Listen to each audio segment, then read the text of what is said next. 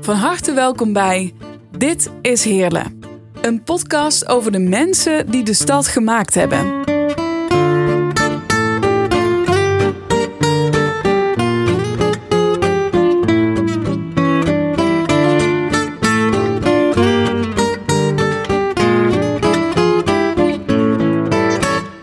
Met in deze aflevering Henry Sarolia. Er rolt een intercity binnen op het station van Heerlen.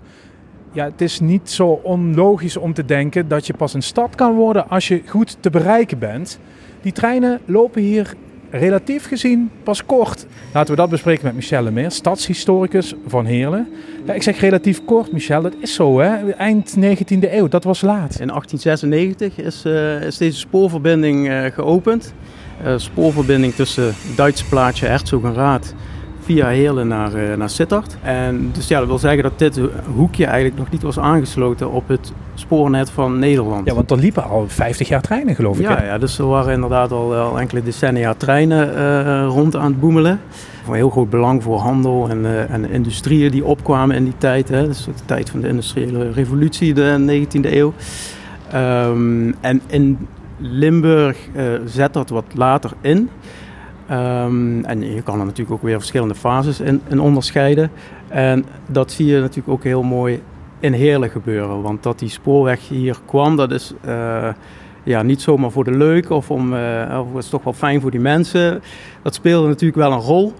Uh, zeker in de argumentatie om hier een spoorweg aan te leggen. Maar uh, Henry Sarolea, die wist donders goed waar dit nog meer voor kon dienen. En dat was om hier steenkool te gaan vervoeren vanuit Heerlen en omstreken. Ja. Jij zegt Sarolea, hè? veel mensen zeggen ook Sarolia. Ja, ik denk dat... ja, Sarolia is waarschijnlijk correcter. Het was een Maastrichtenaar, ja. dus Sarolia. Ja, dus inderdaad. Ja. Ja. Schets even de situatie voordat dat spoor hier kwam te liggen. Laten we daar even beginnen. Was dit echt gewoon ja, boerenachterland? Ja, en dat geldt in zekere zin natuurlijk voor heel Limburg eigenlijk. Hè, dat het gewoon een, echt een provinciaal uh, gebied was. Er gebeurde niet zoveel. Je had in Maastricht natuurlijk wel al de, de fabrieken van uh, Ragout. Dus daar was al wat meer uh, reuring. En Heerlen was ook weer geen, zal ik zeggen, mini-mini dorpje. à la Schimmert, waar ik vandaan kom. Ja, maar het was nog zeker geen stad. Bij lange na niet. In recordtempo komen we straks nog op terug, stad geworden. Ja, het had natuurlijk alles te maken met die steenkool. Ja, de steenkool en die spoorweg dus. Uh, men mist ook al veel langer dat hier uh, flink wat steenkool in de grond zat. We hebben een keer in de archieven gesnuffeld van, uh, van koning Willem I, de eerste koning van Nederland. Nou, daar vind je al rapportjes en schriftjes waarin staat van, oh, daarop zit waarschijnlijk zoveel en daar moet je zijn en daar moet je zijn. En Sinds 1875 is de Nederlandse staat begonnen met concessies uit te geven, dus vergunningen, die kon je kopen. Uh, en die vergunningen die hadden een houdbaarheidsdatum, op een gegeven moment uh, verliepen die. Um, en er was ook een goed handeltje in, in die vergunningen. Er werd onderling tussen zakenmannen werd dat verkocht. Uh, maar het kwam er maar niet van.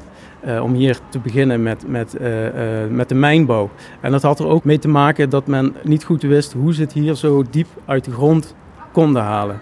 En daar komt een andere belangrijke heerlenaar in de, in, in de picture en dat is uh, Carl Honigman. Uh, dat was een mijningenieur uit Aken. En op het moment dat uh, Sarolia naar Heerlen komt, dan heeft hij dus dat plan om hier die spoorweg te gaan, te gaan aanleggen. En om geld daarvoor bij elkaar te krijgen, komt hij dus ook in aanraking met de familie Honigman. En die hebben veel geld. En die weten van wanten met die mijnen. Dus zij gaan eigenlijk onmiddellijk samenwerken. Eerst om die spoorweg uh, te financieren. en daarna kopen ze ook samen concessies.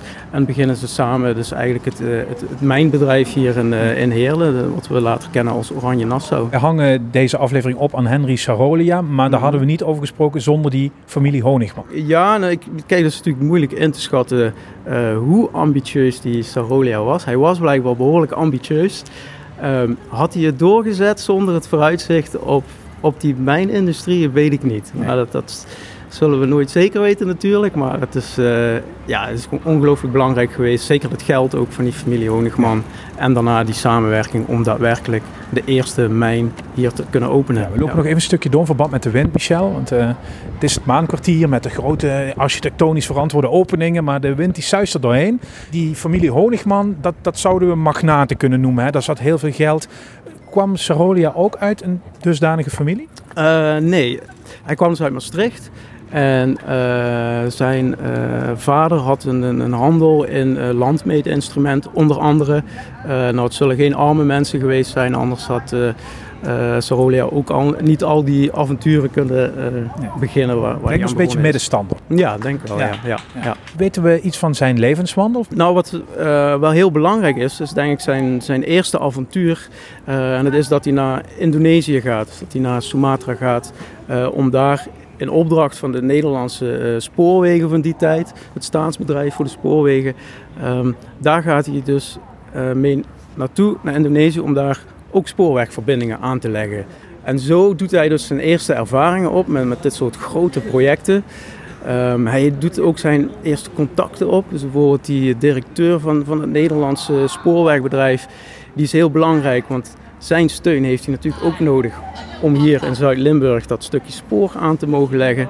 Uh, en um, hij leert ook nog op die reis twee uh, uh, jongens uit Heerlen kennen. Die hebben wellicht ook weer een rol gespeeld om zijn neus een beetje naar deze hoek van Zuid-Limburg te keren. Het is natuurlijk niet voor niks dat dat spoor hier vlak naast die eerste oude mijn ligt. Ja, ja dus nou zie je deze, ja, hoe zal ik het noemen, de, deze indeling van de stad, deze demografie, die zie je in heel veel steden, industriële steden van het westen. Dat er dus op een gegeven moment wordt dat spoor aangelegd. En dan zie je dat aan de ene kant van het spoor, dicht bij het spoor, worden de industrieën aangelegd. Voor Heerlen dus de steenkoolmijnen en allerlei uh, nou ja, kleine randfabrieken die daarbij horen. Um, en rond die mijnen ontstaan dus ook de arbeiderswijken. En zo krijg je dus een soort tweedeling in een stad. Dat aan de ene kant arbeiders en fabrieken en aan de andere kant villa's, parken en het oude stadscentrum. En dat zie je ook in Heerlen natuurlijk heel duidelijk, maar dat zie je overal ter wereld. Daar komt ook de uitdrukking uh, born on the wrong side of the tracks komt daar vandaan. Uh, dat je dus altijd ja, echt van die arbeidersgebieden kreeg met heel veel uh, immigranten van het buitenland. Het is echt ontploft. Hè? We hebben het dus gehad over dat nou ja, grote boerendorp. Laten we het zo even samenvatten. Hoe, hoe is die ontwikkeling gegaan? Die bevolkingstoename die is echt uh, gigantisch inderdaad. Dus we beginnen in 1900 met 5000 inwoners. En tellen we daar 30 jaar bij op, dan zitten we op 47.000 ja. inwoners. Ja. En wordt er nu in de media gesproken over een immigratieprobleem en zo. Werd dat toen ook zo gezien of was dat oké okay omdat iedereen werk had? Nee, men maakte zich hier wel grote zorgen hoor. Um, er wordt uh, dan ook uh, hier een clubje opgericht, zou je kunnen zeggen. Dus van, uh, vanuit de burgerij. En de burgemeester van Heerlen van toen, die zat er natuurlijk ook bij. en zij discussiëren dus openlijk over van hoe gaan we dit aanpakken? Hoe gaan we dit zeg maar stroomlijnen? Dus dan krijg je een beetje dat social engineering waar wel eens over gepraat wordt. Dat wordt op die manier in gang gezet. En ook al in de politiek, toen hier dus die concessies op gang kwamen en ook de, de staatsmijnen werden opgericht, dus van de Nederlandse overheid een mijn.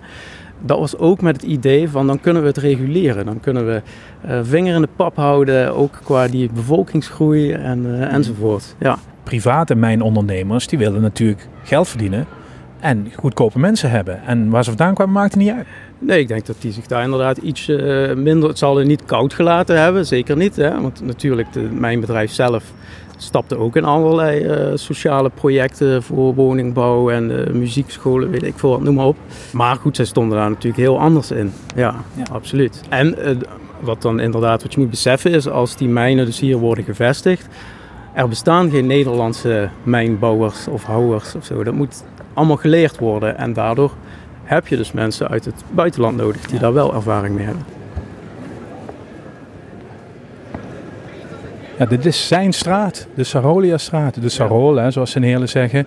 Mooi is dat we hier ook uh, kunnen doorkijken zo langs de Hema richting de Honigmanstraat. En hebben we het zakelijke pact in ieder geval uh, compleet. Um, hoe denk je eigenlijk als historicus over uh, dit soort de naamstellingen van zo'n straat? Is dat gratuit of is dat goed? Hoe zie jij dat? ja, een goede vraag. Nou, ik denk met zo'n zo'n persoon als hem, als, als Sarolia en Honigman natuurlijk Ja, die hebben gewoon zoveel invloed gehad op de hele ontwikkeling van die stad. Dat, dat, uh, ja, dat is toch wel terecht om daar een straat na te vernoemen. Ja, je ja. loopt het station uit, hè, wat er door hem ligt, en je loopt zijn Mhm. straat eigenlijk in. Ja. Dit heet al lang zo, hè? Eh, ja, dat, in 1908 hebben ze deze straat al naar hem eh, vernoemd. Hij heeft dat zelf dan niet meer meegemaakt, dus hij was al enkele jaren eh, overleden. Eh, maar ja, toch een eh, bijzondere eer. Ja. Is dit genoeg, vind jij? Moet er nog een standbeeld of een plaquette of iets? Nou, ik denk dat het meer belangrijk is dat mensen er een beetje over blijven leren. Hè? Over, over dit soort personen en hoe zo'n stad zich ontwikkelt eigenlijk. Dat dat niet uit de lucht komt vallen. Ehm, dus ik denk dat het eerder belangrijk is dat je in- op het gebied van educatie eh, dat gewoon allemaal meeneemt, dat soort dingen. Ja. Podcasts maken, eh, noem maar op. Op de scholen, misschien een lokaal geschiedenislesprogramma. eh, dat dat toch een beetje standaard wordt. Denk eerder aan dat soort dingen dan de standbeelden. En eh, ja, ja, Ja, het is lang geleden op zich, voor de verhalen, voor de overlevering. We weten eigenlijk niet wat voor man het was. Of wel? Nee, ik heb, eh, tenminste ik ben er nog eens een beetje ingedoken natuurlijk. En ik moet zeggen, ik kon weinig vinden over de persoon zelf. Hè? Dat mensen over hem zeggen van, goh, wat was het toch een lieve, lieve man of zo. Ehm, maar wat je in ieder geval wel overal uitproeft is gewoon die, die ambitie die hij had. Eh, en dat hij ook wel een echte ondernemer eh, is geweest. Hij kwam natuurlijk ook wel uit een ondernemersfamilie. Ehm, en hij had allerlei, eh, ja, hij was een visionair blijkbaar dat hij dit soort dingen durfde, durfde aan te pakken. Hij ging naar Indonesië, dat zei hij al, hè? Ja. Dan ging je in die tijd gewoon met de boot. Dan was je best wel een tijdje overweg. Dat, dat Mhm. zijn nog avonturen geweest, geloof ik. Kijk, ook daaruit blijkt wellicht wel dat het een beetje een, een, een avonturier was. En ik vond ook nog ergens een, een krantenartikel terug waaruit blijkt dat ze, het schip waar hij op zat, dat die schipbreuk hadden geleden. Dus bij eh, Zuid-Afrika, dat daar de, de stoommachine van de, van de boot, dat die ontplofte. Dus grote paniek eh, aan boord. Gelukkig konden ze nog eh, teruggesleept worden aan land. Dus hebben ze nog twee weken eh, in Afrika aan land gezeten voordat ze doorgingen eh, naar Indonesië. Ja. Robinson Crusoe van de spoorwegondernemers. ja, nou ja, ik vind het, dat soort dingen schetsen natuurlijk wel een mooi, een mooi tijdsbeeld. Hè. We zien dat wel eens in, in films of zo. Hè. Een mooie film over, over eind 19e eeuw, begin 20e eeuw. Ehm, en als je zulke dingen gaat lezen, dan, eh, dan lees je dus dat het, dat het echt is, weet je wel. En, eh, dat maakt dit soort details wel mooi, eh, denk ik. We hadden het over het monument. Die straat hier is dat. Ehm, maar daar is het natuurlijk door de familie gefinancierd monument voor hem. Want hij ligt in Heerlen begraven. Gaan we daar even kijken? Ja, zeker. Laten we even gaan kijken. Hij heeft het niet meer mee mogen maken, maar uiteindelijk werd een van de belangrijkste straten in Heerlen Centrum naar hem vernoemd, de Sarolia-straat. Dus kijk hoe het daar nu aan toe gaat. Daarvoor ga ik langs bij ondernemer Pat Bierman. Ik wilde sowieso mijn zaak in Heerlen wilde ik vestigen. Ik ben zelf, eh, zoals iedereen zegt, achter het spoor opgegroeid. Ik ben in de Passer ben ik opgegroeid. En eh, mijn familie, mijn hele familie, die, eh, die wo- woont eigenlijk in, eh, in, rondom deze kern, zeg maar, rondom de kern van het centrum. Dus ik wilde graag in het centrum van Heerlen ondernemen. Ook om hopelijk straks een klein bouwsteentje te zijn van een ander Heerlen. Dus we zijn, ja, ik ben in aanraking gekomen via een, iemand bij het ondernemershuis van de gemeente. En die zei, je moet eens gaan praten met Sjaak Vinken van Streetwise. En Sjaak Vinken die heeft mij een aantal panden zeg maar, laten zien in Heerlen. Waarvan ik eigenlijk, waarvan eh, het oog mij al voorheen al opviel op, eh, op, op nummer 66. Saroleerstraat nummer 66. En met, het, eh, met het raam wat voor de helft open kan naar, naar buiten toe open. Zodat je dat, ja, het gevoel krijgt alsof je ook weer terug bent in die grote stad. Zoals het wel eerder is geweest, zeg maar. Hè. Ja, en we zijn, eh, we zijn wel zoekende geweest naar andere mogelijkheden. Naar ook voordeligere, voordeligere mogelijkheden. Hè. Maar ik zeg, ja, weet je, uiteindelijk zeg ik tegen Sjaak... eh, luister, we, we moeten weer terug eh, deze kant op komen. Ik wil dat pand heel erg graag hebben. Ja, je noemde wel al die ramen, die waren zichtbaar, maar voor de rest zag het pand er heel anders uit. We zijn op dit moment binnen bij jouw Tosti Bar en er hangt nog een foto op van hoe het vroeger is geweest en de stijl waarin jullie ook het pand weer terug hebben willen brengen. Ik kreeg 1 april de sleutel van, van dit pand. Op dat moment stap ik met, eh, met eh, de aannemer naar buiten toe. En laat hem het pand aan de voor, voorzijde zien. Ik weet dat het pand zeg maar, door twee gebroeders toen de tijd gebouwd is. Ik meen in 1917, maar dat weet ik niet met zekerheid. Eh, 16, 17 zo'n beetje. Laat hem zien zeg maar, hoe het aan de buitenkant ook uitziet. Hoe mooi het eigenlijk het pand ook is. Eh, we draaien naar links toe en dan, eh, dan zien wij dan, zeg maar, het maankwartier. Hij vraagt naar het maankwartier en zo verder. Ja, het is het eh, stationsgebied is, is ontworpen door een kunstenaar, door eh, Michel Huisman in dit geval. En Michel Huisman, eh, ja, het moest zo zijn. Kom op zijn fiets deze kant op en we roepen naar hem. En ik zeg, baas Huisman, kom er eens eventjes bij. Toen zag ik al aan, zijn, aan, aan, aan de glinster, glinsterende oogjes van, van, van Michel dat hij al ideeën, plannen had. En ik kreeg al drie plannen zeg maar, op, de, op de mail. Zo, zo, zo zie ik de Tostibar. Stukje authenticiteit weer terug, zoals van wel eer. Die uitstraling wat heeft, in plaats van die, die, die, smerige trespa wat overal zit, wat hij zei. Hè. Hoe belangrijk is dat voor jou nog, om dat stukje geschiedenis van Heerlen toch ook weer terug te brengen in je zaak? Ik wilde graag wel die authenticiteit, uh, het huiselijke, het uh, gemoedelijke wilde ik terug in mijn zaak. Je begon met hoe dan ook, mijn zaak zou in Heerlen komen. Waarom? Ik, ik draag heel altijd een warm hart toe. Ik ben hier altijd welkom geweest in het centrum. Hè. Nogmaals, ik heb altijd buitenaf gewoond, om zo maar te zeggen. Hè. In, hele Noord, zoals het nu tegenwoordig genoemd wordt. Daar, eh, daar ken ik nog de periode zeg maar, van... Uh, uh, wij hebben een duplexwoning gehad, hè, waar met drie voordeuren waren dat. We hadden echt de touwtjes letterlijk door de, door de brievenbus. Hè. Wij waren sleutelkinderen. Hè. Dus, dus een sleutel of was een touwtje. Als de buurvrouw thuis was, gingen we ook naar de buurvrouw toe. En gingen we de sleutel ook ophalen en zo verder. Hè dat, uh, dat, dat, dat gemoedelijke hoopte ik ook wel een stukje door mijn aanwezigheid ook terug te gaan brengen binnen Heerlen. Uh, hoe dan ook, Heerlen staat eigenlijk altijd onder een bepaalde druk. Daar, daar heerst altijd een, een, een, uh, een, sfeer van negativiteit in Heerlen. En dat vind ik zo jammer. Hè. Dat doet mij altijd zoveel pijn. Terwijl ik weet en, en zie en hoor en, en meemaak dat er, dat er zoveel nieuwe ontwikkelingen zijn om een stad Heerlen weer neer te zetten. En uiteindelijk ja, zullen we toch een aantal pioniers weer moeten hebben die zeggen: oké, okay, die vuist op tafel, we gaan het doen. Ook binnen de gemeentes. Hè.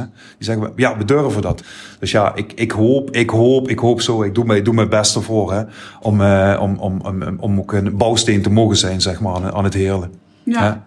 Ja, en je noemde al pioniers. Je, je zegt al zelf, ik ben bezig met bouwstenen. Het was geen Tostibar wat hij had, maar Sorolia was natuurlijk ook een ondernemer. Betekent dat over een jaar of honderd ook een Pet Biermanstraat in Heerlen? dat is te veel eer, denk ik.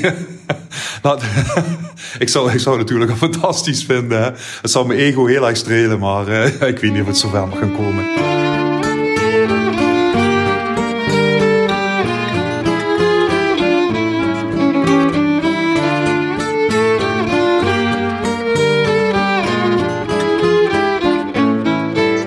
We hadden het over um, het zakelijke succes van uh, Henry Sarolia. Nou ja, hij ligt op een A-locatie op dit kerkhof. Dus ik denk dat er wat geld tegenaan is uh, gegooid, Michel. Ja, we staan dus op de begraafplaats aan de Akerstraat in Heerlen. Een mooie oude begraafplaats. En hij ligt eigenlijk vrijwel vooraan als je binnenkomt aan de rechterkant. Ah, derde graf zie ik, ja. Hij uh, is uh, 56 geworden, als ik even snel reken. Dat is niet heel oud. In zijn uh, overlijdensbericht in de krant hebben ze het over een lange lijdensweg. Je hebt nog wat gevonden over zijn afscheid? Nou ja, wat misschien dan nog wel leuk is, is inderdaad van... Um, ja, als je iets dichter bij de persoon wil komen... Als iemand komt te overlijden, dan, ja, dan wordt er natuurlijk wat over hem geschreven. Ja. En dus ja, dit hier komt uit de krant. Even openvouwen. Uh, dat komt dus uit de Limburger Courier. En hij is dus overleden op 12 eh, september. De hele 12 september, deze nacht, overleed hier de heer H.L.C.H. Sarolia. De overledene was reeds geruime tijd leidende zonder dat er hoop bestond op herstel. Aan de ontwikkeling der industrie in Zuid-Limburg heeft de heer Sarolia een machtige stoot gegeven. Aan zijn ijvervolle bemoeiingen was grotendeels het ontstaan te danken van den lokaal spoorweg Herzogenraad Heerlen Sittard. En misschien, ik, weet, ik kan hem helemaal voorlezen, maar ik kan ook even ja. uh, doorgaan hier naar het einde. Dat zegt denk ik het meeste over hem. Ongetwijfeld zullen alle die den heer Sarolia kenden de overtuiging hebben dat hij was een man van meer dan gewone energie en werkkracht. We hebben het spoor als aandenken. Hij heeft zijn straat. Het uh, grafmonument is te bezoeken. Eigenlijk is Saholia alom aanwezig in de stad. Ja, toch wel. Voor, voor wie hem kent uh, is hij overal, zeker. Dit was heerlijk. Was hoor. Hey, doe die podcast volgen in die app. En nog één ding hè, die Ruud Kleine en die Rian Monen die hebben dit toch weer oké in elkaar gefrikkeld, waar? Bedankt dat jullie geluisterd hebben en alles. En ga nou maar weer wat voor jezelf doen.